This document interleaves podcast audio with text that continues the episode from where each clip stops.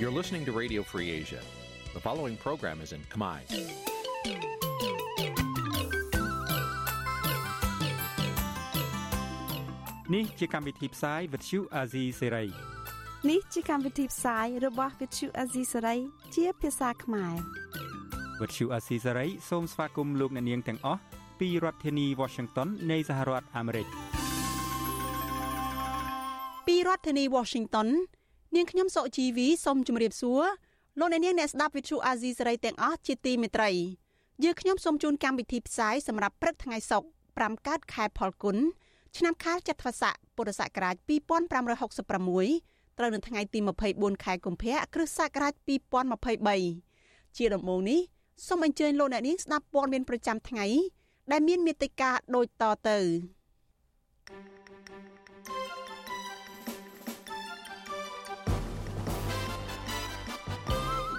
មនុស្ស4នាក់មានរោគសញ្ញានៅក្នុងចំណោមមនុស្ស12នាក់ដែលប៉ះពាល់ផ្ទាល់ជាមួយកុមារីដែលស្លាប់ដោយសារជំងឺផ្ដាសាយបាក់សីរូបភាពផ្កាយរណបបង្ហាញពីការពង្រីកទីតាំងសាងសង់មូលដ្ឋានកងទ័ពរៀមដែលជាជំនួយរបស់ចិនអ្នកវិភាគថាលោកហ៊ុនសែនជាមេដឹកនាំដែលមានកេរដំណែលខាងបំផ្លាញនិងបំបែកបំបាក់ជាតិ គ្រួសារអ្នកគាំទ្រគណៈបកភ្លើងទៀនដែលត្រូវគេបាញ់សម្លាប់នៅខេត្តត្បូងឃ្មុំទាមទារឲ្យតុលាការស្វែងរកអ្នកពាក់ព័ន្ធនឹងអំពើឃាតកម្មរួមនឹងព័ត៌មានផ្សេងផ្សេងមួយចំនួនទៀតជាបន្តទៅទៀតនេះនាងខ្ញុំសុជីវីសូមជូនព័ត៌មានទាំងនេះពិស្ដាចលនានាងជាទីមេត្រីមន្ត្រីសុខាភិបាលរកឃើញមនុស្សចំនួន12នាក់បានប៉ះពាល់ជាមួយកុមារីដែលបានស្លាប់ដោយសារជំងឺផ្ដាសាយបាក់សី H5N1 នៅខេត្តព្រៃវែង។ រដ្ឋលេខាធិការក្រសួងសុខាភិបាលអ្នកស្រីយុសម្បត្តិប្រាប់សារព័ត៌មានគាំទ្រលោកយមត្រីហ៊ុនសែន Fresh News ថាក្នុងចំណោមអ្នកទាំងនោះមាន4អ្នកហើយបានផ្ដើមចេញរោគសញ្ញាអ្នកស្រីបញ្ជាក់ថាមន្ត្រីជំនាញបានយកសំណាក់របស់ពួកគេមកពិសោធន៍នៅភ្នំពេញហើយលទ្ធផលនឹងបង្ហាញនៅថ្ងៃសុក្រនេះវិទ្យុអាស៊ីសេរីមិនអាចតាក់ទងអ្នកស្រីយុសម្បត្តិដើម្បីសាកសួរអំពីរឿងនេះបន្ថែមបានទេ កាលពីយប់ថ្ងៃទី23ខែកុម្ភៈម្សិលមិញ។ កុមារីម្នាក់អាយុ11ឆ្នាំជាសិស្សរស់នៅភូមិរលីងឃុំជែកស្រុកស៊ីធរកណ្ដាលខេត្តព្រៃវែងបានស្លាប់ដោយសារជំងឺផ្ដាសាយបាក់សីកាលពីថ្ងៃទី22ខែកុម្ភៈកុមារីរងគ្រោះបានចាប់ផ្ដើមឈឺតាំងពីថ្ងៃទី16ខែកុម្ភៈដោយមានរោគសញ្ញាក្តៅខ្លួនខ្លាំង39អង្សាក្អកនិងឈឺបំពង់កចាប់តាំងពីឆ្នាំ2005មកកម្ពុជាមានករណីជំងឺផ្ដាសាយបាក់សីលើមនុស្សចំនួន57នាក់ ក្នុងនោះ38នាក់បានស្លាប់លោកអ្នកនាងប្រិយមិត្តអ្នកស្ដាប់ជាទីមេត្រីចាព័ត៌មានតកតនឹងការបង្ខំបិទទ្វារសារព័ត៌មាន VOD វិញចាអង្គការសង្គមស៊ីវិលជាតិនិងអន្តរជាតិចំនួន10ស្ថាប័នមានទាំងមជ្ឈមណ្ឌលសិទ្ធិមនុស្សកម្ពុជាផងអំពាវនាវឲ្យរដ្ឋាភិបាលទម្លាក់ចោលការសម្ដែងដកអាជ្ញាប័ណ្ណវិទ្យុ VOD ដែលជាស្ថាប័នព័ត៌មានឯករាជ្យចុងក្រោយគេនៅកម្ពុជា។ ក្រុមអង្គការសង្គមស៊ីវិលទាំងនេះព្រួយបារម្ភនិងថ្កោលទោសរដ្ឋាភិបាលចំពោះការបំផ្លាញសារព័ត៌មានសេរីឯករាជ្យនិងការរឹតបន្តឹងផ្ដាច់ការទៅលើប្រព័ន្ធ Digital នៅមុនការបោះឆ្នោតអង្គការសង្គមស៊ីវិលទាំងនេះថ្កោលទោសចំពោះការរំលោភបំពានលើស្ត្រីអ្នកសារព័ត៌មាន VOD ម្នាក់និងអំពាវនាវឲ្យរដ្ឋាភិបាលគោរពស្តង់ដារសិទ្ធិមនុស្សអន្តរជាតិស្ដីពីសិទ្ធិសេរីភាពក្នុងការបញ្ចេញមតិសេរីភាពសារព័ត៌មាន ដែលសិទ្ធិទាំងនេះបានធានានៅក្នុងសេចក្តីប្រកាសព័ត៌មានជាសកលស្តីពីសិទ្ធិមនុស្សមាត្រា19និងកតិកាសញ្ញាអន្តរជាតិស្តីពីសិទ្ធិពលរដ្ឋនិងសិទ្ធិនយោបាយក្រុមអង្គការទាំងនេះក៏ថ្កោលទោសចំពោះការខកខានជាប្រព័ន្ធរបស់រដ្ឋាភិបាលក្នុងការគោរពកាតព្វកិច្ចសិទ្ធិមនុស្សអន្តរជាតិរបស់ខ្លួននិងសិទ្ធិរបស់ប្រជាពលរដ្ឋនៅក្នុងការទទួលបានព័ត៌មាននិងរក្សាសេរីភាពសារព័ត៌មាននៅក្នុងប្រទេស។ សិទ្ធិទាំងនេះមានធានាដោយរដ្ឋធម្មនុញ្ញនិងច្បាប់ស្តីពីរបបសារព័ត៌មានឆ្នាំ1995អង្គការសង្គមស៊ីវិលជាតិនិងអន្តរជាតិទាំងនេះចាត់ទុកការសម្រេចចិត្តរបស់រដ្ឋាភិបាលរឿងបិទវិទ្យុ VOD ជាការសម្រេចចិត្តដោយបំពានដែលរំលោភច្បាប់ជាតិនិងអន្តរជាតិលោកនាយករដ្ឋមន្ត្រីហ៊ុនសែនបានប្រកាសដកអាជ្ញាប័ណ្ណវិទ្យុ VOD កាលពីថ្ងៃទី13ខែកុម្ភៈដោយអត្តនោម័តលោកហ៊ុនសែនបានចោទវិទ្យុនេះថាបានធ្វើឲ្យប៉ះពាល់កិត្តិយសលោកកូនប្រុសរបស់លោក និងធ្វើឲ្យបែកបាក់ផ្ទៃក្នុងទីស្តីការគណៈរដ្ឋមន្ត្រីជាដើមកាលពីឆ្នាំ2017របបឯកបករបស់លោកហ៊ុនសែនបានបិទកាសែត The Cambodia Daily និងវិទ្យុអាស៊ីសេរីបង្ខំចិត្តបិទការិយាល័យរបស់ខ្លួននៅក្រុងភ្នំពេញនៅមុនការបោះឆ្នោតឆ្នាំ2018ជាពិសេសរដ្ឋាភិបាលក៏បានបិទស្ថានីយ៍វិទ្យុមួយចំនួនមិនឲ្យផ្សាយកម្មវិធីវិទ្យុរបស់វិទ្យុអាស៊ីសេរី VOD និងវិទ្យុសំឡេងសហរដ្ឋអាមេរិកជាដើម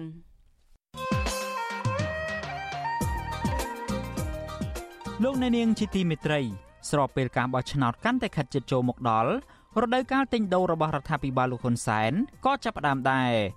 យុវជនមួយចំនួន ដែលធ្លាប់ជាអ្នកធ្វើការងារសង្គមឬក៏តាំងខ្លួនជាអ្នកកែមលៃនិយមបាននាំគ្នាទៅចោះចូលជាមួយគណៈបកកណ្ដាលអំណាចដោយហេតុផលរៀងៗខ្លួន អ្នកខ្លះអាចមកពីខ្លាចការគៀបសង្កត់ ហើយអ្នកខ្លះទៀតក៏អាចមកពីការស្វែងរកបនស័កលៀបសការៈផ្ទាល់ខ្លួនដែរក៏ប៉ុន្តែក្នុងពេលជាមួយគ្នា យុវជនមួយចំនួនទៀតនៅតែប្រកាន់ជំហររឹងមាំតស៊ូក្រាញននាលនិងបដូរផ្ដាច់ដើម្បីបុព្វហេតុសង្គមនិងប្រយោជន៍សាធារណៈតាមមូលហេតុអ្វី បានជាបនស័កលៀបសការៈមិនអាចអន្តងចិត្តពួកគេបាន ហើយថាតើយុវជនគួរតែជ្រើសរើសមួយណា រវាងប្រយោជន៍បុគ្គលនិងប្រយោជន៍សាធារណៈបាទនេះជាប្រធានបទនៃវេទិកាអ្នកស្ដាប់វិទ្យុអាស៊ីសេរីនៅយប់ថ្ងៃសុក្រទី24ខែកុម្ភៈនេះ ប្រសិនបើលោកអ្នកនាងមានសំណួរចង់សាកសួរវាគ្មិនរបស់យើងឬក៏ចង់ចូលរួមបញ្ចេញមតិយោបល់សូមលោកអ្នកនាងដាក់លេខទូរស័ព្ទរបស់លោកអ្នកនាងនៅក្នុងខ្ទង់ comment Facebook និង YouTube របស់ Vithu Azizi Serai ដែលកំពុងផ្សាយផ្ទាល់នៅពេលនេះបាទក្រុមការងាររបស់យើងនឹងហៅទៅលោកអ្នកនាងវិញ បាទសូមអរគុណ លោកអ្នកនាងកញ្ញាជាទីមេត្រីចាងាកមកព័ត៌មានតកតងនឹងក្រុមគ្រួសាររបស់គណៈបកភ្លើងទៀនចាដែលត្រូវឃាតករបាញ់សម្លាប់នៅឯខេត្តត្បូងឃ្មុំវិញម្ដងប្រពន្ធរបស់អ្នកគាំទ្រគណៈបកភ្លើងទៀននៅឯខេត្តត្បូងឃ្មុំទាមទារឲ្យសមត្ថកិច្ចនិងតុលាការស្វែងរកចាប់ខ្លួនអ្នកពាក់ព័ន្ធផ្សេងទៀតមកដាក់ទោសតាមច្បាប់ ចំពោះករណីដែលប្រជាការពីភូមិប្រើកាំភ្លើងបាញ់សម្លាប់ប្តីរបស់គាត់សង្គមស៊ីវិលស្នើដល់តុលាការឲ្យពន្លឿននីតិវិធីនៃការអនុវត្តច្បាប់ និងបង្កើតក្រុមស៊ើបអង្កេតមួយដើម្បីស្វែងរកអ្នកពាក់ព័ន្ធក្នុងករណីឃាតកម្មនេះទាំងអស់មកទទួលខុសត្រូវតាមច្បាប់ចាលោកសេកបណ្ឌិតរាយការណ៍ព័ត៌មាននេះគ្រួសារអ្នកគាំទ្រគណៈបកភ្លើងទៀនដែលត្រូវបានប្រជាការពីភូមិបាញ់សម្លាប់កណ្ដាលវាស្រែនៅខេត្តត្បូងឃ្មុំកាលពីជាង4ខែមុនទាមទារឲ្យសមត្ថកិច្ចនិងតុលាការពន្លឿនស្វែងរកយុទ្ធធរដល់ជនរងគ្រោះ គ្រួសារជនរងគ្រោះសង្ស័យថាអ្នកដែលបាញ់សម្លាប់ប្តីរបស់គាត់មិនមែនតែប្រជាការពីភូមិម្នាក់ដែលសមត្ថកិច្ចចាប់ខ្លួននោះទេករណីនេះអាចនៅមានអ្នកពាក់ព័ន្ធមួយចំនួនទៀតដែលកំពុងរស់នៅក្រៅច្បាប់ ប្រពន្ធជនរងគ្រោះលោកស្រីវេនកំយីប្រាប់បទសុអសីស្រី ថាប្តីរបស់លោកស្រីត្រូវបានគេបាញ់សម្លាប់អស់ពេលជាង4ខែមកហើយ ប៉ុន្តែតុលាការនៅមិនទាន់ស្រាវជ្រាវរកអ្នកពាក់ព័ន្ធទាំងអស់មកផ្ដន់ទោសបាននោះទេលោកស្រីព្រួយបារម្ភពីសវត្ថិភាពព្រោះមិនដឹងច្បាស់ពីចំនួនគ្នាគ្នាជនល្មើសដែលមិនទាន់ឃាត់ខ្លួនលោកស្រីស្នើដល់តុលាការឲ្យស្រាវជ្រាវរកអ្នកពាក់ព័ន្ធទាំងអស់មកផ្ដន់ទោសទៅតាមច្បាប់លោកស្រីវេនកឹមយីបន្ថែមថា ប្រជាការពីភូមិគ្មានសិទ្ធិកាន់កំភ្លើងទេប៉ុន្តែបែរជាមានកំភ្លើងបាញ់សម្លាប់ប្តីរបស់លោកស្រីទៅវិញ ដូច្នេះលោកស្រីសង្ស័យថាកំភ្លើងនោះអាចជារបស់មន្ត្រីដែលមានទូនាទីណាម្នាក់ចាបងពួយបារម្ភពួកអីការគ្រប់ជាការពារគាត់គ្មានតែភ្លើងទេបងក៏ភ្លើងមានតែមានប៉ោះទេដល់មានតែភ្លើងចាដល់អញ្ចឹងខ្ញុំនៅថាចង់ឲ្យឲ្យលោកតឡាការសូមឲ្យច្បាប់ជួយឲ្យគាត់ជួយរកយុទ្ធធម៌ឲ្យតាមដានហ្នឹងហើយចង់ឲ្យជាប់អ្នកជាប់ពាក់ព័ន្ធហ្នឹងថែមទៀតអញ្ចឹងហ៎បងប្រពន្ធជនរងគ្រោះរូបនេះឲ្យដឹងដែរថាកាលពី3ថ្ងៃមុននេះ មេប៉ូលីសប៉ុស្តិ៍ថ្មីឃុំចកឈ្មោះស្វាយរតបានយកលិខិតមួយច្បាប់មកជូនគាត់ដោយក្នុងលិខិតនោះប្រាប់ឲ្យលោកស្រីឈប់ដេញដោលអំពីរឿងឃាតកម្មលើប្តីរបស់លោកស្រីបន្តទៅទៀតលោកស្រីរឹតតែព្រួយបារម្ភពីសុវត្ថិភាពគាត់ក្រោយពីទទួលបានលិខិតនោះជនរងគ្រោះដែលត្រូវឃាតករបាញ់សម្លាប់នៅកណ្ដាលវាលស្រែឈ្មោះប៉ូហ៊ីនលៀនអាយុ47ឆ្នាំ ជាអ្នកភូមិព្រីងឃុំចកស្រុកអូរាំងឪខេត្តត្បូងឃ្មុំ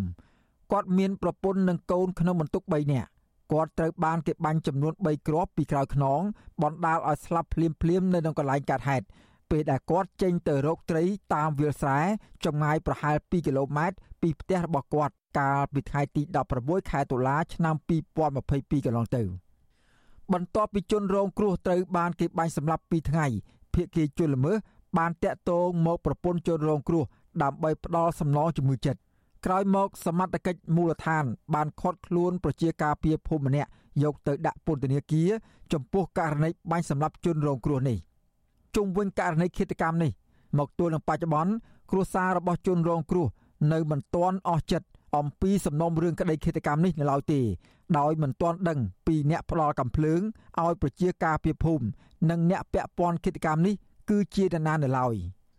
វត្តសុអាស៊ីសេរីនៅពុំទាន់អាចតតងអធិការនគរបាលស្រុកអូរាំងឪលោកវងសុភីបាននៅឡើយទេ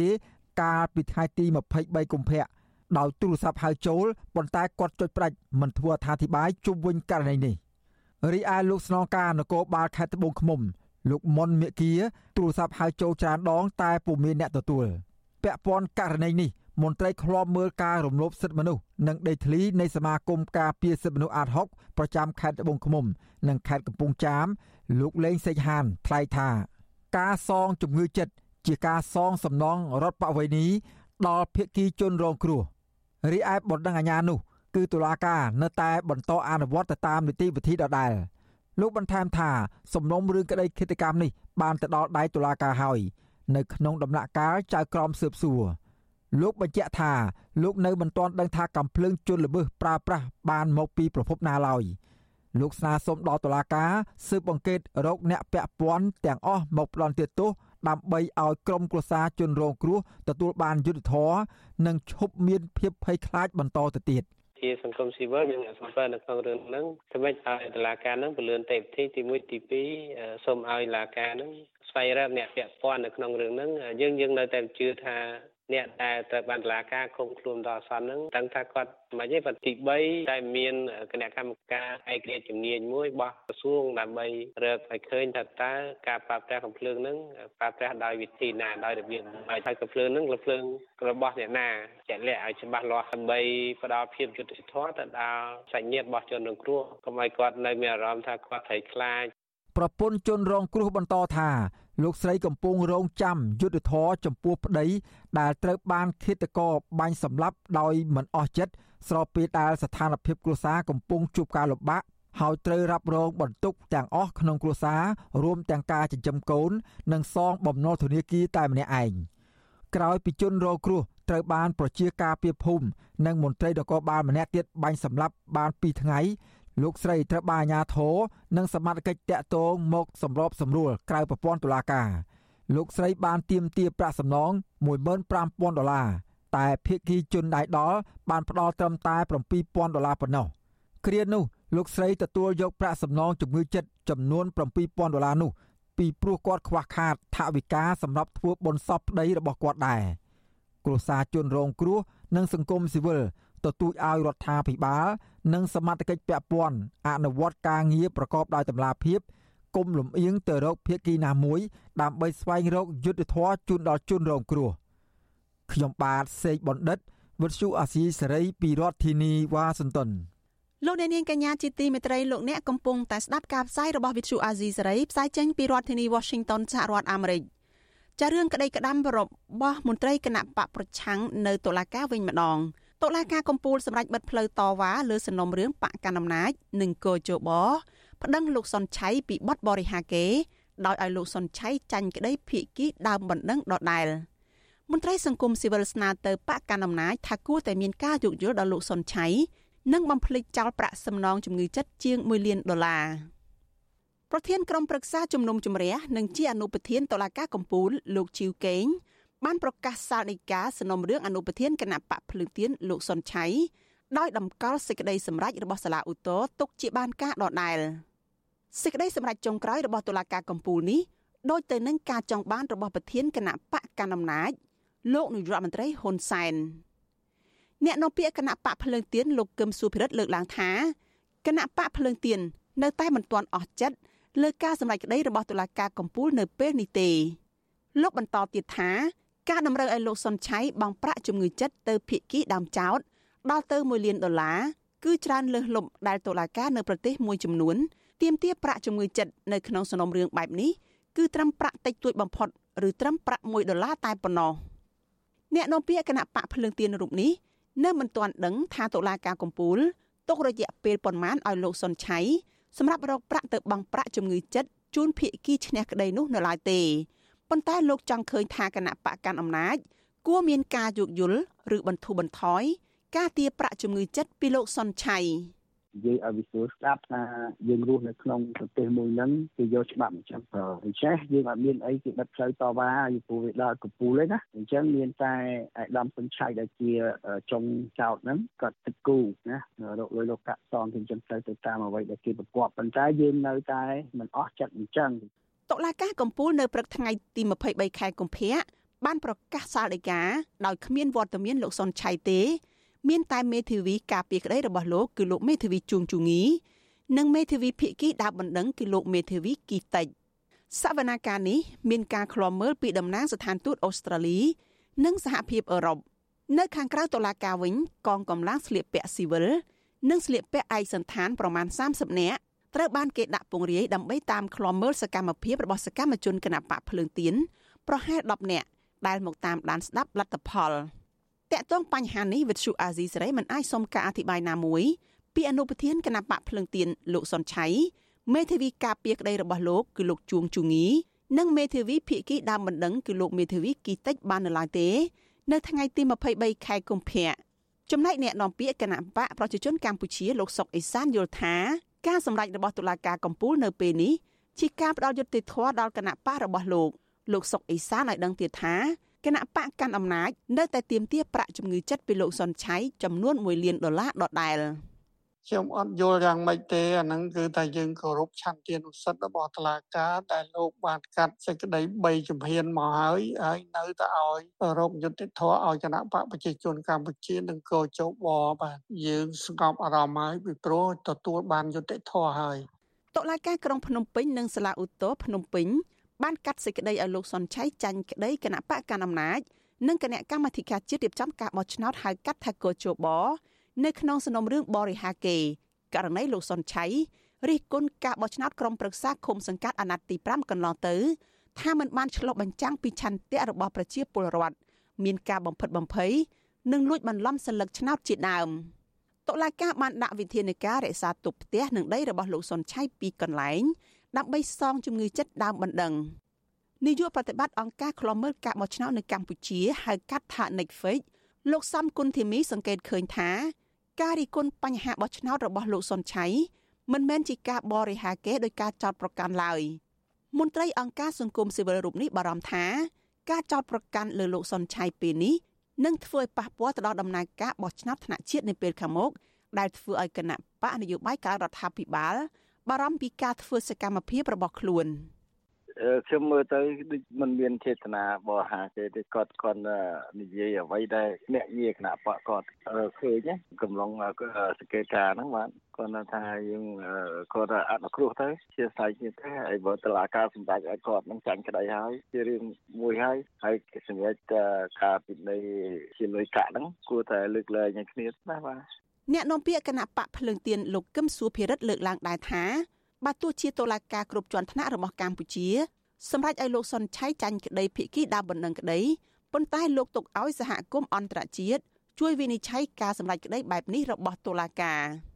ប្រព័ន្ធតុលាការនៅកម្ពុជា តែងតែរងការរិះគន់ថា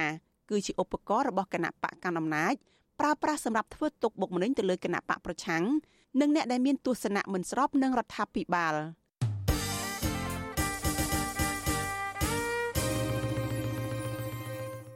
លោកអ្នកនាងជាទីមេត្រីចាលោកនាយរដ្ឋមន្ត្រីហ៊ុនសែនត្រូវបានគេស្គាល់ជាទូទៅថាជាបរោះខ្លាំងលោកជាបរោះខ្លាំងនេះមិនមែនជាមេដឹកនាំខ្លាំងពូកែខាងអភិវឌ្ឍប្រទេសជាតិឲ្យសេដ្ឋកិច្ចរីកចម្រើន និងធ្វើឲ្យប្រជាពលរដ្ឋរស់នៅក្នុងប្រទេសមានសេចក្តីសុខសន្តិភាពពិតប្រាកដឡើយលោកហ៊ុនសែនបានដឹកនាំកម្ពុជារយៈពេលជិត40ឆ្នាំមកនេះបានបន្សល់នៅកេរដំណែលជាច្រើនសម្រាប់ប្រជាពលរដ្ឋចងចាំនិងមិនអាចបំភ្លេចបាន។ តើកេរដំណែលរបស់លោកហ៊ុនសែនដែលបន្សល់ទុកសម្រាប់ពលរដ្ឋខ្មែរនោះមានអ្វីខ្លះចាសសូមអញ្ជើញលោកអ្នកនាងរងចាំតាមដានស្ដាប់សេចក្តីរាយការណ៍ពុស្ដារបស់លោកទីនសការីយ៉ាអំពីបញ្ហានេះនៅក្នុងការផ្សាយរបស់យើងនៅពេលបន្តិចទៀតនេះ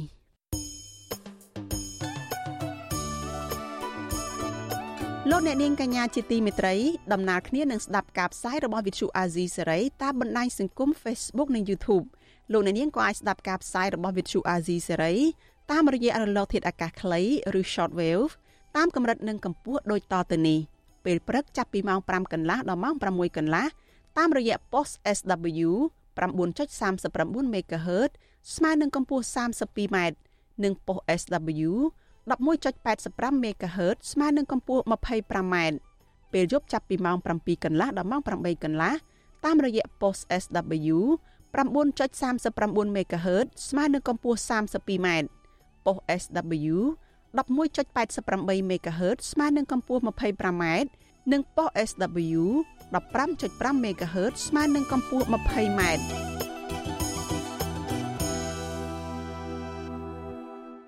លោកអ្នកនាងជាទីមេត្រីលោកអ្នកកំពុងតែស្ដាប់ការផ្សាយរបស់វិទ្យុអាស៊ីសេរីចាប់ព័ត៌មានជាបន្តទៅទៀតនេះចាតកតងទៅនឹងភាពចម្រូងចម្រាសនៅឯទីតាំងសាងសង់មូលដ្ឋានទ័ពរៀម ចារូបភាពផ្កាយរណបដែលថតនៅពេលថ្មីថ្មីនេះនៅលើតំបន់ឆ្នេរសមុទ្រជុំវិញខេត្តប្រសេះអនុបានបង្ហាញការអភិវឌ្ឍគួរឲ្យកត់សម្គាល់នៅមូលដ្ឋានទ័ពជើងទឹករៀមដែលទទួលបានជំនួយពីប្រទេសចិនដែលអាចជួយមហាអំណាចកុម្មុយនីសមួយនេះ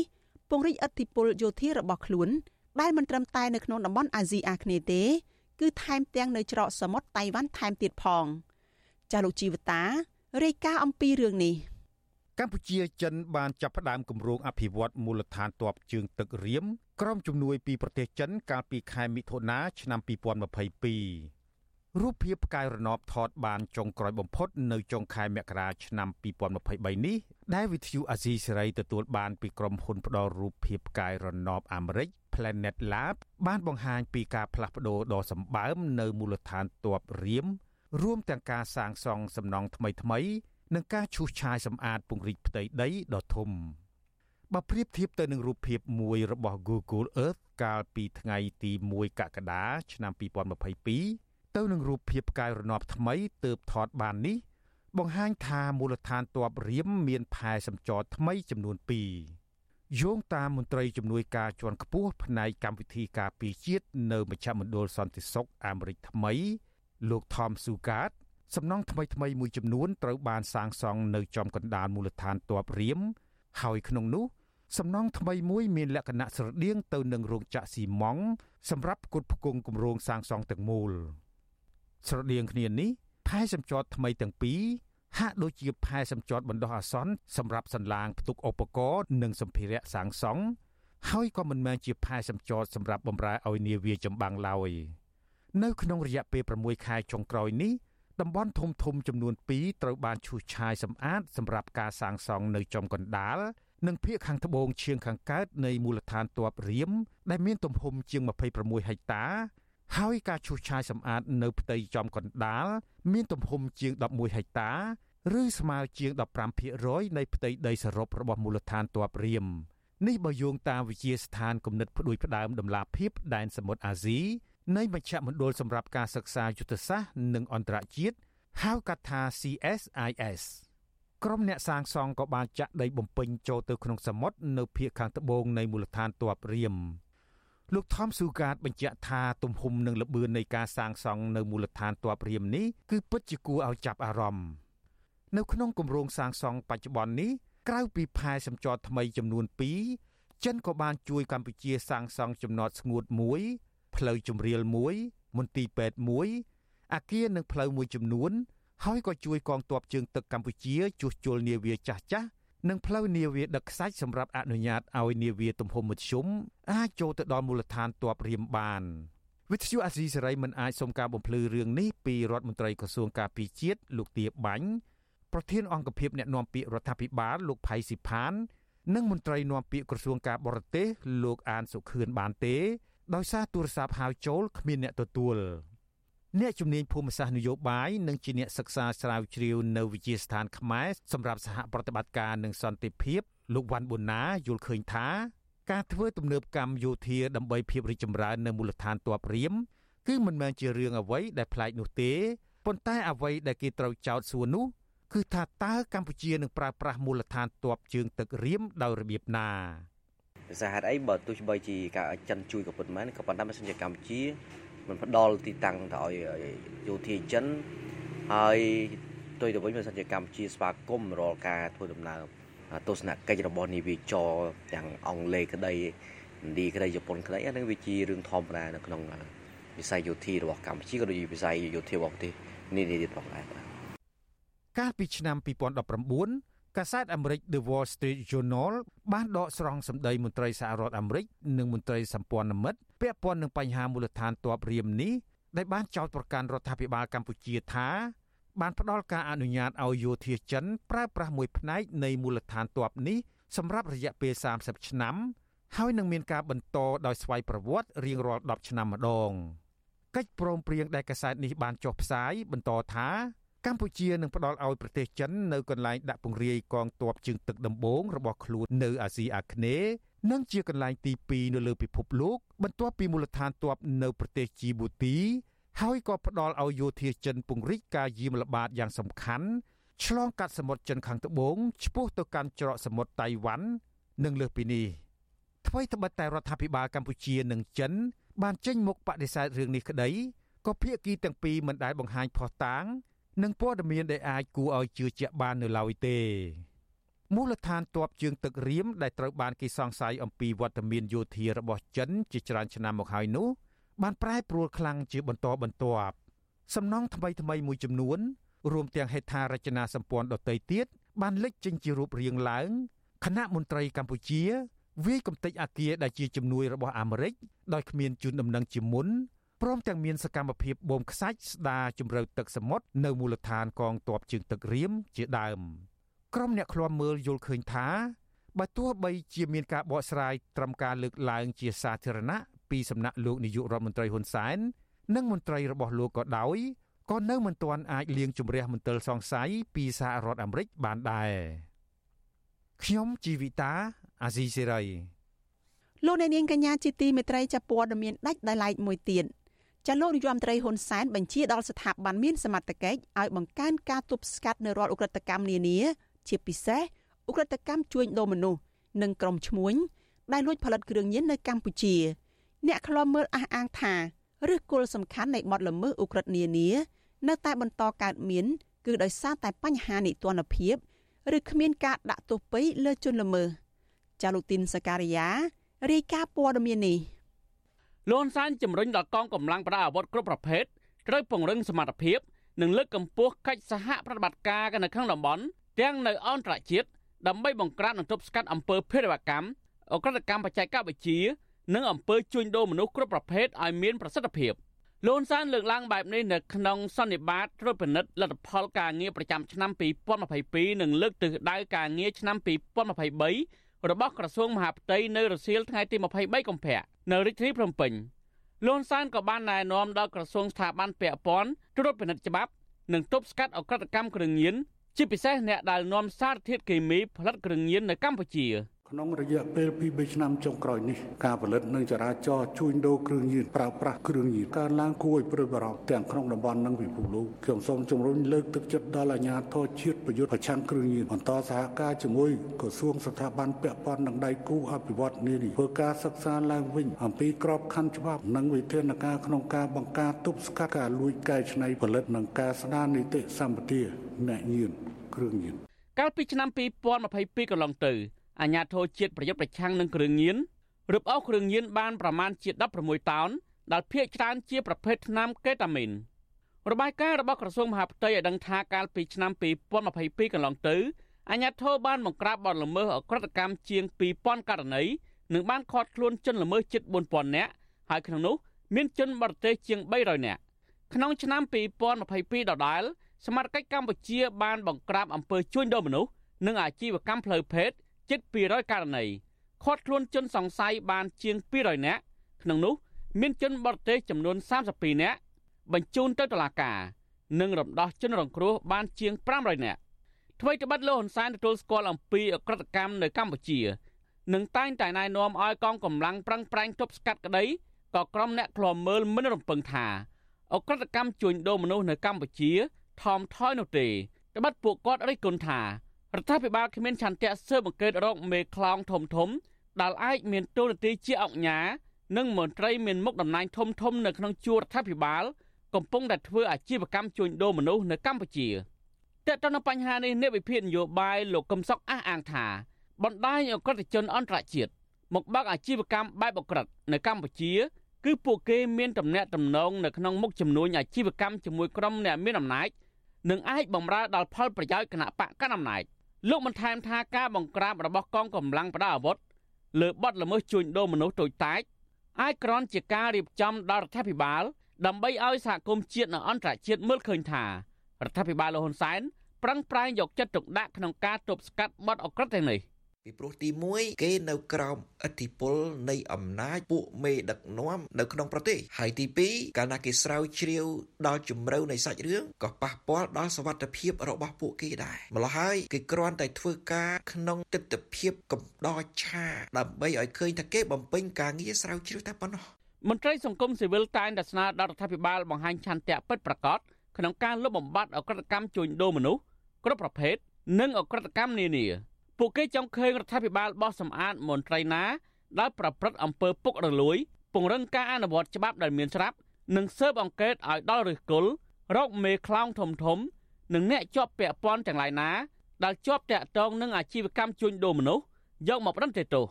បើទោះបីជាពួកគេមានឋានៈបនស័កធំយ៉ាងណាក៏ដោយរបាយការណ៍ស្តីពីការជួញដូរមនុស្សប្រចាំឆ្នាំ2022របស់ក្រសួងការបរទេសអាមេរិកបានចេញផ្សាយកាលពីខែកក្កដា បានទម្លាក់ចំណាត់ថ្នាក់កម្ពុជា មកនៅកម្រិតទី3ដែលមានន័យថាស្ថានភាពនៃអំពើជួញដូរមនុស្សនៅកម្ពុជា មានលក្ខណៈអាក្រក់បំផុត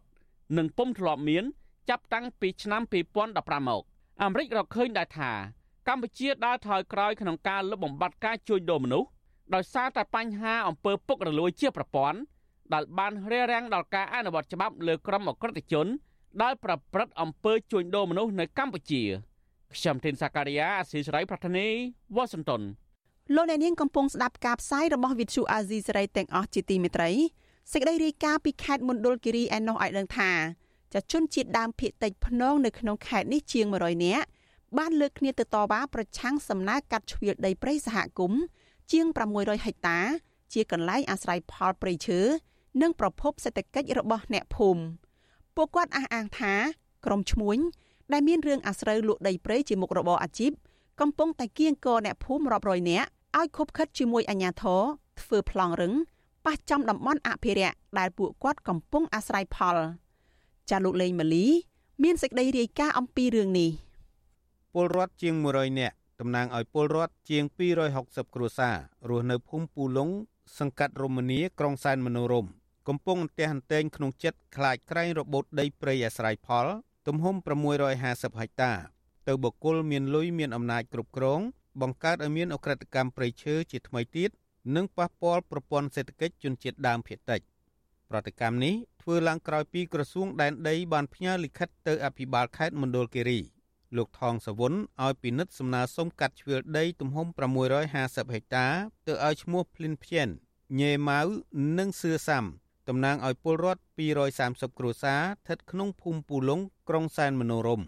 អ្នកភូមិស៊ើបដឹងថាសំណើនេះបង្កប់ភាពមិនប្រក្រតីច្រើន ដើម្បីច្បាមយកដីព្រៃសហគមន៍ដោយសារតែទីផ្សារដីឡើងថ្លៃខ្ពស់សមាជិកសហគមន៍មួយរូបអ្នកស្រីងិនចនាប្រាប់វិទ្យុអស៊ីសេរីថាគោលបំណងស្នូលនៃការតវ៉ានេះគឺទាមទារឲ្យអាជ្ញាធរច្រានចោលសំណើកាត់ជ្រឿលដីនេះព្រោះប៉ះពាល់តំបន់អភិរក្សដ៏ធំធេងដែលជាឆ្នាំងបាយរបស់អ្នកភូមិ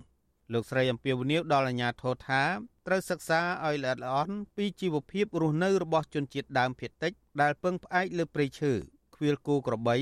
និងធ្វើស្រែចម្ការចិញ្ចឹមជីវិតបែបប្រពៃណីនៅទីនោះលោកស្រីបន្ថែមថានៅក្នុងពេលតវ៉ានោះលោកស្រីពុំឃើញអាជ្ញាធរចុះមកសម្របសម្រួលជាមួយក្រុមពលរដ្ឋនៅឡើយទេហើយអ្នកភូមិព្រមានថានឹងលើកគ្នាតវ៉ាត្រង់ទ្រាយធំប្រសិនបើអាជ្ញាធរនៅតែមិនឆ្លើយតបនឹងបញ្ហានេះ សម្រាប់ពួកខ្ញុំជំនឿតំណងពួកខ្ញុំឲ្យពួកខ្ញុំតកូនតចៅហ្នឹងសង្ឃឹមកន្លែងហ្នឹងមួយទេបើអស់កន្លែងហ្នឹងក៏អស់មែនតែនហើយហ្នឹងហើយកន្លែងណាគេលក់អស់ដែរកន្លែងណាគេវិនិយោគអស់ដែរនៅសល់កន្លែងហ្នឹងទេតាំងស្នំសពពីសម្ដេចហ៊ុនសែនហ្នឹងចង់ឲ្យគាត់អន្តរាគមកុំឲ្យចេញថ្លង់ដែលឲ្យបកគលដែលប្រមាណអ្នកហ្នឹងហើយកាលពីចុងខែតុលាឆ្នាំ2022រដ្ឋលេខាធិការនៃក្រសួងដែនដីលោកឆាន់សាផាន់ បានផ្ញើលិខិតមួយសន្លឹកជូនអភិបាលខេត្តមណ្ឌលគិរី បង្ហាញកម្មវត្ថុថាស្នើសុំកាត់ជ្រឿលដីទំហំ650ហិកតា ដើម្បីធ្វើបានកម្មសិទ្ធិឯកជនស្ថិតក្នុងភូមិពូឡុងសង្កាត់រមនីក្រុងសែនមនោរមលិខិតដែលវិទ្យុអាស៊ីសេរីទទួលបាន បន្ថែមថាខុទ្ទកាល័យលោកនាយករដ្ឋមន្ត្រីហ៊ុនសែនបានបញ្ជូនឯកសារមកក្រសួងដែនដី នៅលិខិតរបស់ភ្លីនភៀនញេម៉ៅនិងសឿសាំតំណាងឲ្យពលរដ្ឋ230គ្រួសារ ដែលបានកាន់កាប់នៅតំបន់នោះតាំងពីឆ្នាំ1981ឆ្លើយតបលិខិតនេះលោកស្រីងិនច័ន្ទណាអះអាងថាជនជាតិដើមភាគតិចស្ទើរតែទាំងអស់មិនគ្រប់គ្រងសំណើសុំកាត់ជ្រឿលដីទាំងនេះទេព្រោះប៉ះពាល់ជំរកសត្វព្រៃព្រៃឈើនិងកន្លែងដែលអ្នកស្រុករើសជ័រចុងលក់ផ្គត់ផ្គង់ជីវភាពគ្រួសារជារៀងរាល់ឆ្នាំរីឯព្រៃឈើនៅតំបន់នោះនៅសល់ច្រើនជាងគេដុះតាមជ្រលងភ្នំខ្ពង់រាប មានសក្តានុពលធនធានធម្មជាតិសម្បូរបែបវិទ្យុអាស៊ីសេរីមិនទាន់អាចតាក់ទងសុំការបំភ្លឺរឿងនេះពីអ្នកនាំពាក្យសាលាខេត្តមណ្ឌលគិរីលោកនាងវណ្ណៈបាននៅឡើយទេព្រោះទូរស័ព្ទហៅចូលតែគ្មានអ្នកលើកចំណែកអ្នកនាំពាក្យក្រសួងដែនដីលោកសេងលូតក៏វិទ្យុអស៊ីសេរីមិនទាន់អាចតាក់ទងបានដែរនៅថ្ងៃដដែលនេះក៏ប៉ុន្តែមន្ត្រីសាលាខេត្តដែលប្រជាសហគមន៍មិនស្គាល់ឈ្មោះបានប្រាប់ពួកគាត់ថាមកទល់ពេលនេះអាជ្ញាធរមិនទាន់សម្រេចបែបណានៅឡើយទេ ព្រោះតំបន់កាត់ជ្រឿលដីនេះកំពុងស្ថិតក្នុងដំណើរការសិក្សាផលប៉ះពាល់បរិស្ថាននិងសង្គមជុំវិញរឿងនេះមន្ត្រីសង្គមស៊ីវិលដែលចុះស៊ើបអង្កេតរឿងនេះឲ្យដឹងថាតំបន់ព្រៃអភិរក្សដែលត្រូវបានស្នើសុំកាត់ជ្រឿលដី គឺជាដីព្រៃស្រោងគ្មានប្រវត្តិកាន់កាប់នោះទេរីឯឈ្មោះលោកស្រីភ្លីនភៀនដែលតាំងខ្លួនថាជាតំណាងពលរដ្ឋ230គ្រួសារកំពុងប្រើល្បិចភូតភរថ្នាក់ដឹកនាំ ដើម្បីទន្ទ្រានយកដីព្រៃសាធារណៈរបស់រដ្ឋធ្វើអាជីវកម្មមន្ត្រីស៊ើបអង្កេតនៃសមាគមអាត់ហុកលោកគ្រឿងតូឡាស៊ើបដឹងថាឈ្មោះម្នាក់ដែលមានរឿងអាស្រូវលក់ដីព្រៃបង្កើតឲ្យមានចំនួនដីធ្លីជាច្រើនកន្លែង នៅខេត្តមណ្ឌលគិរី គឺលោកស្រីភ្លីនភៀនជាមេខ្លោងរៀបចំគម្រោងកាន់កាប់ដីនេះជាសម្បត្តិឯកជន លោកស្នើសុំដល់អាជ្ញាធរឲ្យប្រុងប្រយ័ត្នខ្ពស់ចំពោះល្បិចលួចដីរដ្ឋរបស់ក្រុមឈ្មួញទាំងនេះ ព្រោះប៉ះពាល់ធនធានធម្មជាតិសត្វព្រៃនិងសេចក្តីសុខរបស់ជនជាតិដើមភាគតិចការឃើញរបស់ខ្ញុំហ្នឹងដីហ្នឹងវាលេខជាគណៈដីព្រៃអត់មានស្រែចម្ការ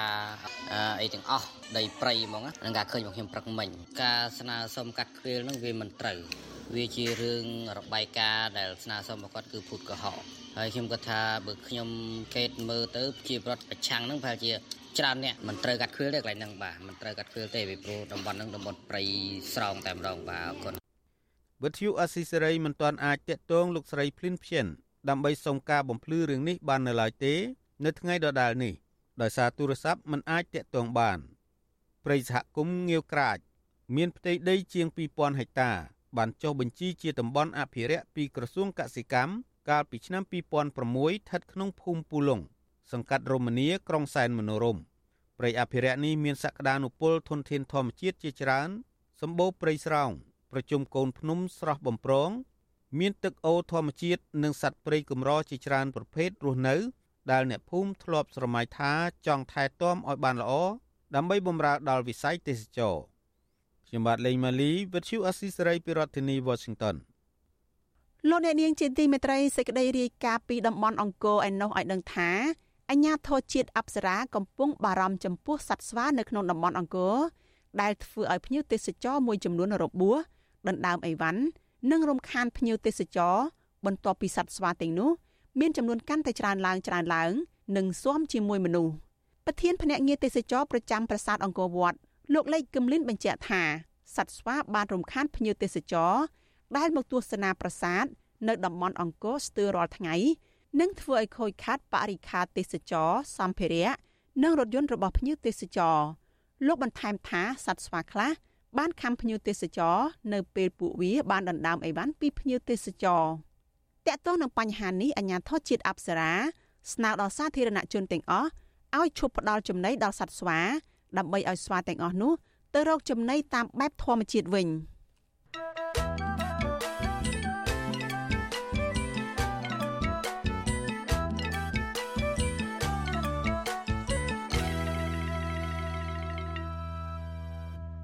លោកអ្នកនាងកញ្ញាជាទីមេត្រីចាប់ព័ត៌មានដាច់ដោយឡែកមួយទៀតទីភ្នាក់ងារបារាំងសម្រាប់អភិវឌ្ឍ AFD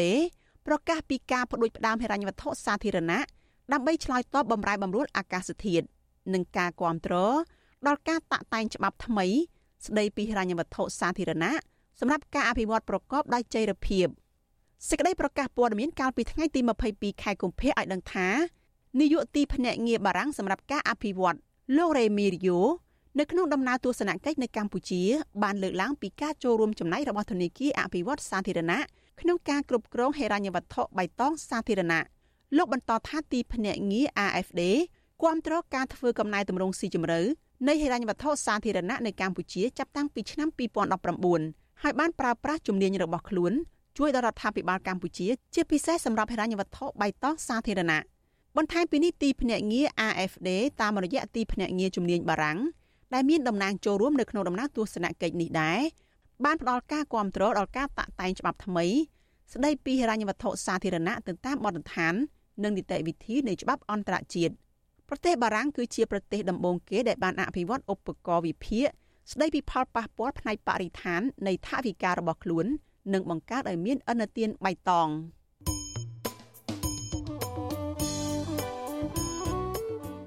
ចលនានាងជាទីមេត្រី នៅក្នុងឱកាសនេះដែរនាងខ្ញុំសូមថ្លែងអំណរគុណដល់លោកអ្នកនាងកញ្ញាទាំងអស់ដែលតែងតែមានភក្ដីភាពចំពោះការផ្សាយរបស់យើងហើយចាត់ទុកការស្ដាប់វិទ្យុអាស៊ីសេរីនេះគឺជាផ្នែកមួយនៃសកម្មភាពប្រចាំថ្ងៃរបស់លោកអ្នកនាងចាកការគ្រប់គ្រងរបស់លោកអ្នកនាងនេះហើយដែលធ្វើឲ្យយើងខ្ញុំកាន់តែមានទឹកចិត្តខ្លាំងថែមទៀតក្នុងការស្វែងរកព័ត៌មាននិងផ្តល់ព័ត៌មានពិតជូនលោកអ្នកនាងចាំមានអ្នកស្ដាប់មានអ្នកទស្សនាកាន់តែច្រើនកាន់តែធ្វើឲ្យយើងខ្ញុំមានភាពស្វាហាប់ មោះមុតជាបន្តទៅទៀត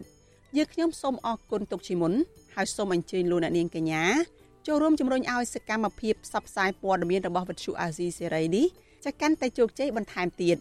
ចាលោកអ្នកនាងអាចជួយយើងខ្ញុំបានដោយគ្រាន់តែចុចចែករំលែកការផ្សាយរបស់វិទ្យុអាស៊ីសេរីចានៅលើបណ្ដាញសង្គម Facebook និង YouTube ទៅកាន់មិត្តភ័ក្តិរបស់លោកអ្នកនាងចាដើម្បីឲ្យការផ្សាយរបស់យើងនេះបានទៅដល់មនុស្សកាន់តែច្រើនចាសូមអរគុណ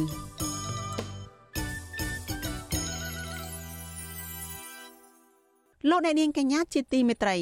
លោកនាយរដ្ឋមន្ត្រីហ៊ុនសែនត្រូវបានគេស្គាល់ជាទូទៅថាជាបរិះខ្លាំង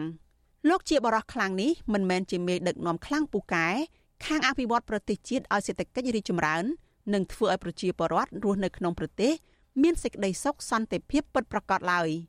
លោកហ៊ុនសែនបានដឹកនាំកម្ពុជារយៈពេលជិត40ឆ្នាំមកនេះបានបន្សល់នៅកេរដំណែលជាច្រើនសម្រាប់ប្រជាពលរដ្ឋចងចាំនិងមិនអាចបំភ្លេចបាន តើកេរដំណែលរបស់លោកហ៊ុនសែនដែលបន្សល់ទុកសម្រាប់ពលរដ្ឋខ្មែរនោះមានអ្វីខ្លះចាសសូមលោកអ្នកនាងស្ដាប់សេចក្តីរាយការណ៍ពិស្ដារមួយទៀតរបស់លោកទីនសការីយ៉ាអំពីបញ្ហានេះដូចតទៅក្នុងនាមជាអ្នកដឹកនាំប្រទេសយូរជាងគេមួយរូបនៅកម្ពុជាប្រកាសណាស់លោកហ៊ុនសែនអាចនឹងត្រូវប្រវត្តិសាស្ត្រកម្ពុជាចាត់ទុកថា បានបន្សល់គេដំណើរជាច្រើន មានទាំងល្អនិងអាក្រក់តែទោះជាយ៉ាងណាក្រុមនៃវិភាគមើលឃើញថាគេដំណើរល្អរបស់លោកហ៊ុនសែនមានចំនួនតិចជាអាក្រក់ នៅក្នុងការដឹកនាំរបស់លោកជិត40ឆ្នាំមកនេះអ្នកជំនាញខាងវិទ្យាសាស្ត្រនយោបាយនិងជាអតីតទីប្រឹក្សាលោកហ៊ុនសែនលោកមនិតសូណារ៉ូមានប្រសាសន៍ថាគេដំណើរល្អដែលលេចធ្លោរបស់លោកហ៊ុនសែនគឺលោកចូលរួមចរចារវាងភាគីចំនួនខ្មែរទាំង4ក្រុមមុននឹងឈានទៅដល់ការចុះកិច្ចព្រមព្រៀងសន្តិភាពនៅក្រុងប៉ារីសនិងការបញ្ចប់របបខ្មែរក្រហមដែលធ្វើឲ្យមានឯកភាពទឹកដីខ្មែរយើងធ្លាប់បែកបាក់ទឹកដីដោយសារមនោគមវិជ្ជាដោយសារសង្គ្រាម ដោយសារការកាប់សម្លាប់រវាងខ្មែរនិងខ្មែរធ្វើឲ្យទឹកដីភូមិសាស្ត្រត្រូវបែកខ្ញែកទៅតាមការកាន់កាប់នៃតំបន់នីមួយៗអញ្ចឹងការបង្រួបបង្រួមបានទឹកដីនេះក៏ជាស្នាដៃមួយប្រចាំជីវិតរបស់គាត់ទោះបីជាលោកហ៊ុនសែនជាតួអង្គម្នាក់ដ៏សំខាន់ក្នុងការផ្លាស់ប្ដូរឈុតឆាកកម្ពុជា រវាងក្រុមចំនួនខ្មែរទាំង4ក្រុមមានក្រុមរណសេរីរំដោះប្រជាពលរដ្ឋខ្មែររបស់លោកតាសឿនសាន ក្រុមកម្ពុជាប្រជាធិបតេយ្យរបស់លោកខៀវសំផនក្រុមហ្វុនសំពេចរបស់សម្ដេចឪនរោត្តមសីហនុនិងក្រុមសាធារណរដ្ឋប្រជាមានិតកម្ពុជារបស់លោកហ៊ុនសែនក្តីបើពិនិត្យមើលឲ្យដិតដល់ការចរចារវាងភាគីចំនួនទាំង4ក្រុមនៅពេលនោះមួយផ្នែកធំកើតឡើងពីការដួលរលំនៃរបបកុម្មុយនីសដែលនាំឲ្យមានការបញ្ចប់នៃសង្គ្រាមត្រជាក់រវាងកុម្មុយនីសដឹកនាំដោយសហភាពសូវៀតនិងក្រុមប្រទេសនៅអឺរ៉ុបខាងកើតនិងប្លុកសេរី ដឹកនាំដោយសហរដ្ឋអាមេរិកនិងប្រទេសលោកខាងលិចឯណោះទៅវិញទេដោយពេលនោះសហភាពសូវៀតជួបប្រទះនឹងវិបត្តិសេដ្ឋកិច្ចយ៉ាងធ្ងន់ធ្ងរអតីតប្រធានាធិបតីសហភាពសូវៀតលោកមីកាអែលហ្គូបាឆេវបានងាកទៅចាប់ដៃជាមួយលោកសេរីហើយដូរប្រព័ន្ធគ្រប់គ្រងបែបកុម្មុយនីសផ្ដាច់ការឲ្យទៅជាបែបសេរីពហុបកតាមលោកខាងលិចវិញស្ថិតនៅក្នុងរបបចរន្តនយោបាយថ្មីនេះសហភាពសូវៀតក៏គ្មានហេតុផលអ្វីនឹងបន្តជំនួយថវិកានិងគ្រឿងសព្វាវុធរបស់ខ្លួន ដល់កងទ័ពវៀតណាមនិងបេសកកម្មជួយកម្ពុជាជាបងប្អូនក្នុងត្រកូលកុម្មុយនីសនឹងគ្នាទៀតដែររបបសាធារណរដ្ឋប្រជាមានិតកម្ពុជា ដឹកនាំដោយលោកនាយករដ្ឋមន្ត្រីហ៊ុនសែននៅពេលនោះដែលប្រឈមមុខនឹងការដាក់គំនាបសេដ្ឋកិច្ចពីលោកខាងលិចច្រាប់ហើយត្រូវទទួលរងនឹងការបោះបង់ចោលពីប្រទេសរៀមច្បងប្លុកកុម្មុយនីសទៀតនោះគឺចាប់ផ្ដើមច្រវេច្រវាដោះអាវចាស់ផ្លាស់អាវថ្មីលៃលោករកយន្តការបន្ទាន់មួយដើម្បីទ្រទ្រង់វត្តមានរបស់ខ្លួន និងដើម្បីកាន់អំណាចកម្ពុជាជាបន្តទៅទៀតបាន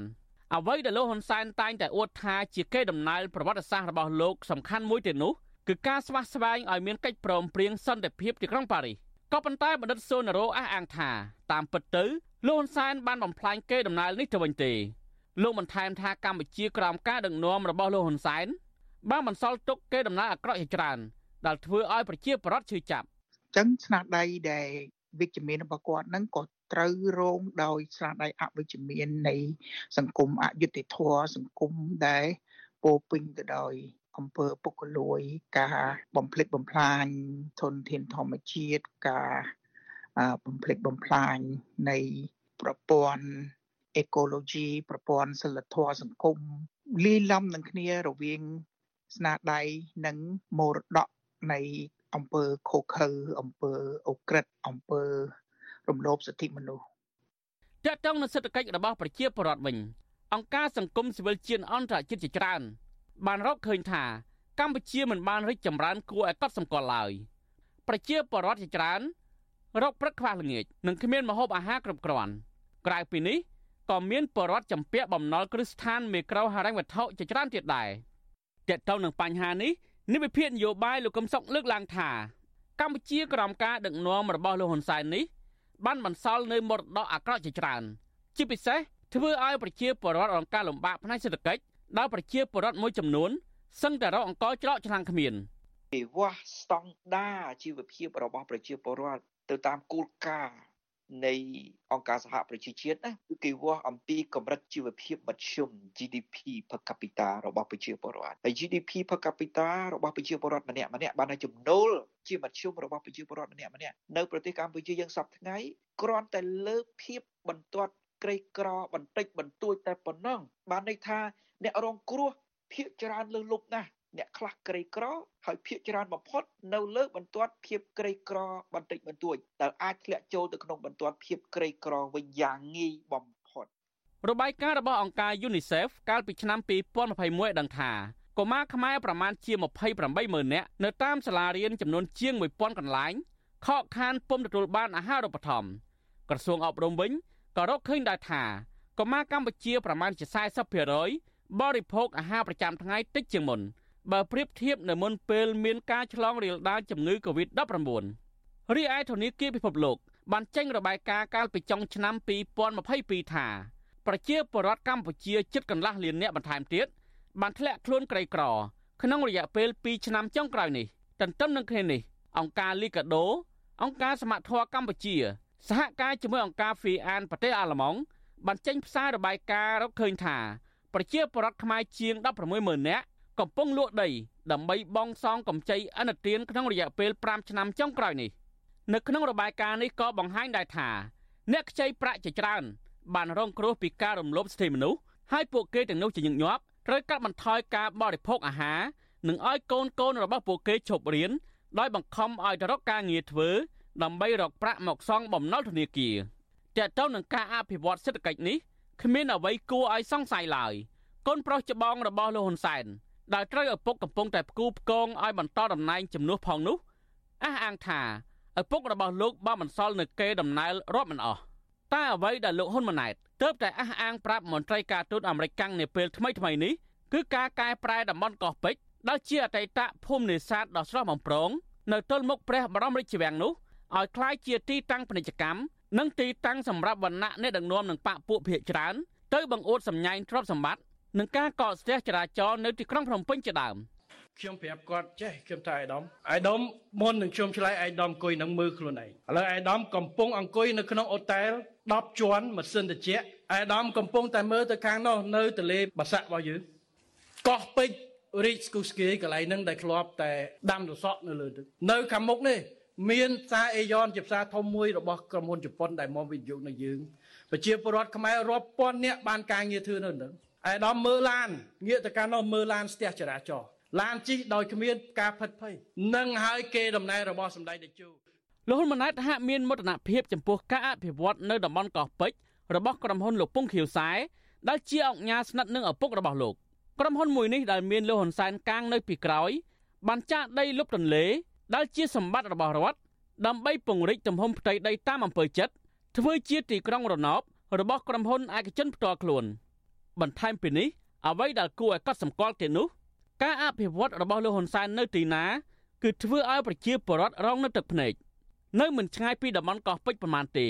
នៅតំបន់ដីក្រហមដែលរបបលោកហ៊ុនសែនធ្វើការអភិវឌ្ឍនោះគឺបានបណ្ដេញប្រជាពលរដ្ឋនិងថែមទាំងដុតផ្ទះរបស់ប្រជាពលរដ្ឋថែមទៀតផង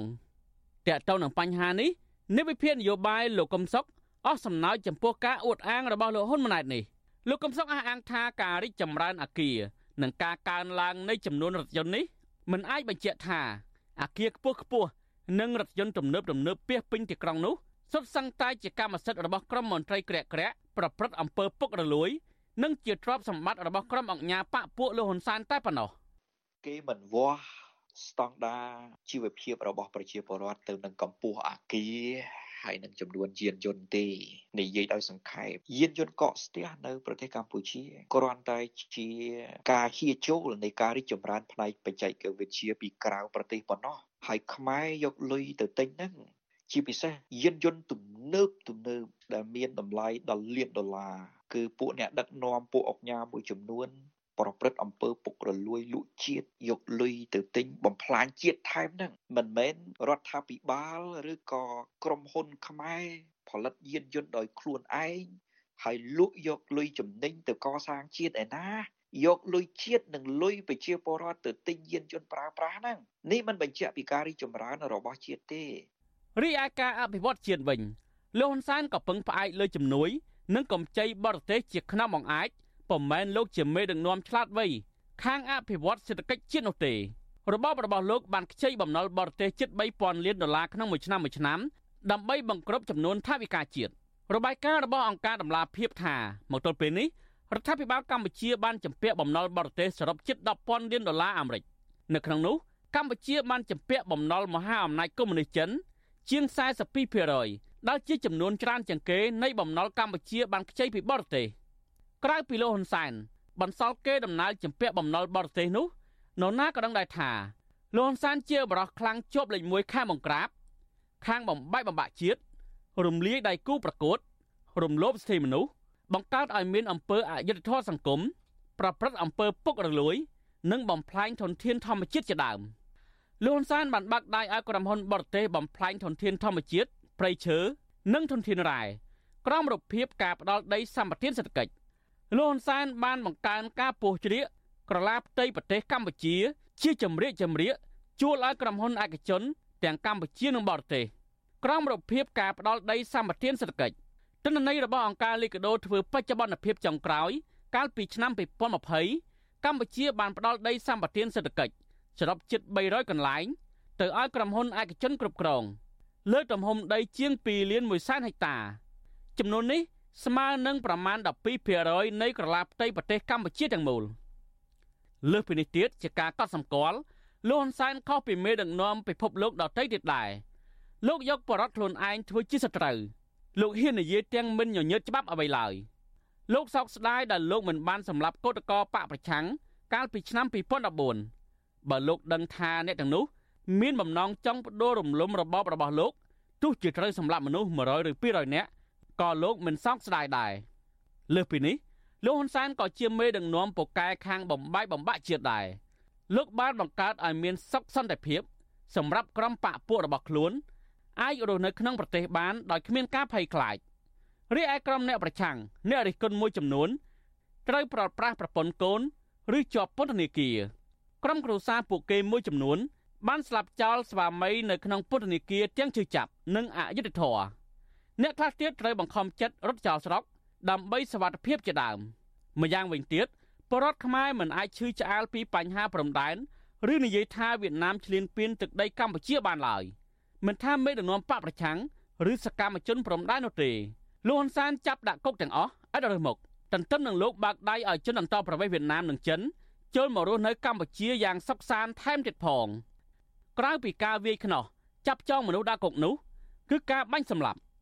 របបដឹកនាំរបស់លោកហ៊ុនសែនមិនញញើតដៃក្នុងការបាញ់សម្លាប់មនុស្សក្នុងនោះមានអ្នកកសែតព្រះសង្ឃសកម្មជនបរិស្ថានដូចជាលោកជុនវុធីមេដឹកនាំសហជីពលោកជាវិជានិងករណីចុងក្រោយបាញ់សម្លាប់នៃវិភាគនយោបាយឥតសំចៃមាត់គឺបណ្ឌិតកែមលីជាដើម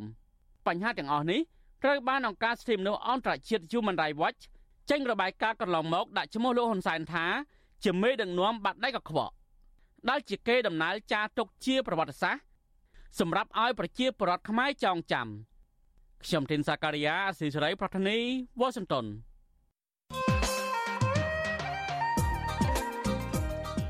លោកអ្នកនាងជាទីមេត្រី ស្របពេលការបោះឆ្នោតកាន់តែខិតជិតចូលមកដល់រដូវកាលទិញដូររបស់រដ្ឋាភិបាលលោកហ៊ុនសែនក៏ចាប់ផ្ដើមដែរយុវជនមួយចំនួន ដែលធ្លាប់ជាអ្នកធ្វើការងារសង្គមឬក៏តាំងខ្លួនជាអ្នកកែមលៃនិយមបាននាំគ្នាទៅចោះចូលជាមួយគណៈបកកណ្ដាលអំណាច ដោយហេតុផលរៀងៗខ្លួន អ្នកខ្លះអាចមកពីខ្លាចការគៀបសង្កត់ ហើយអ្នកខ្លះទៀតក៏អាចមកពីការស្វែងរកបនស័កលៀបសក្ការៈផ្ទាល់ខ្លួនដែរក៏ប៉ុន្តែក្នុងពេលជាមួយគ្នាយុវជនមួយចំនួនទៀតនៅតែប្រកាន់ជំហររឹងមាំតស៊ូក្រាញននាលនិងបដូរផ្ដាច់ដើម្បីបុព្វហេតុសង្គមនិងប្រយោជន៍សាធារណៈតើមូលហេតុអ្វីបានជាបនស័កលៀបសក្ការៈមិនអាចអន្តងចិត្តពួកគេបាន ហើយថាតើយុវជនគួរតែជ្រើសរើសមួយណា រវាងប្រយោជន៍បុគ្គលនិងប្រយោជន៍សាធារណៈបាទនេះជាប្រធានបទនៃវេទិកាអ្នកស្ដាប់វិទ្យុអាស៊ីសេរីនៅយប់ថ្ងៃសុក្រទី24ខែកុម្ភៈនេះប្រសិនបើលោកអ្នកនាងមានសំណួរចង់សាកសួរវាគ្មិនរបស់យើងឬក៏ចង់ចូលរួមបញ្ចេញមតិយោបល់សូមលោកអ្នកនាងដាក់លេខទូរស័ព្ទរបស់លោកអ្នកនាងនៅក្នុងខ្ទង់ comment Facebook និង YouTube របស់ Vuthu Azizi Serai ដែលកំពុងផ្សាយផ្ទាល់នៅពេលនេះ បាទក្រុមការងាររបស់យើងនឹងហៅទៅលោកអ្នកនាងវិញ បាទសូមអរគុណលោកអ្នកនាងកញ្ញាជាទីមេត្រីចាការផ្សាយរយៈពេល1ម៉ោងរបស់វិទ្យុអាស៊ីសេរីជាភាសាខ្មែរនៅព្រឹកនេះចាប់ត្រឹមតែប៉ុណ្ណេះ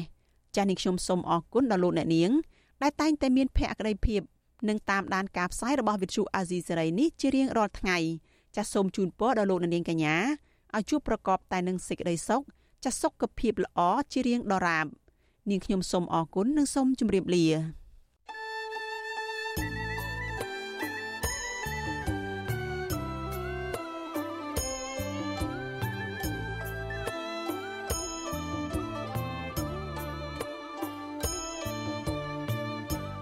វិទ្យុអេស៊ីសរ៉ៃផ្សាយតាមរលក ធារកាសខ្លីឬ shortwave តាមកម្រិត និងកម្ពស់ដូចតទៅនេះពេលព្រឹក ចាប់ពីម៉ោង5កន្លះដល់ម៉ោង6កន្លះតាមរយៈប៉ុស SW 9.39 MHz ស្មើនឹងកម្ពស់ 32m និងប៉ុស SW 11.85 MHz ស្មើនឹងកម្ពស់ 25m ពេលយប់ចាប់ពីម៉ោង7កន្លះដល់ម៉ោង8កន្លះតាមរយៈប៉ុស SW 9.39 MHz ស្មើនឹងកម្ពស់ 32m ប៉ុស SW 11.88 MHz ស្មើនឹងកម្ពស់ 25m និងប៉ុស SW 15.15 MHz ស្មើនឹងកម្ពស់ 20m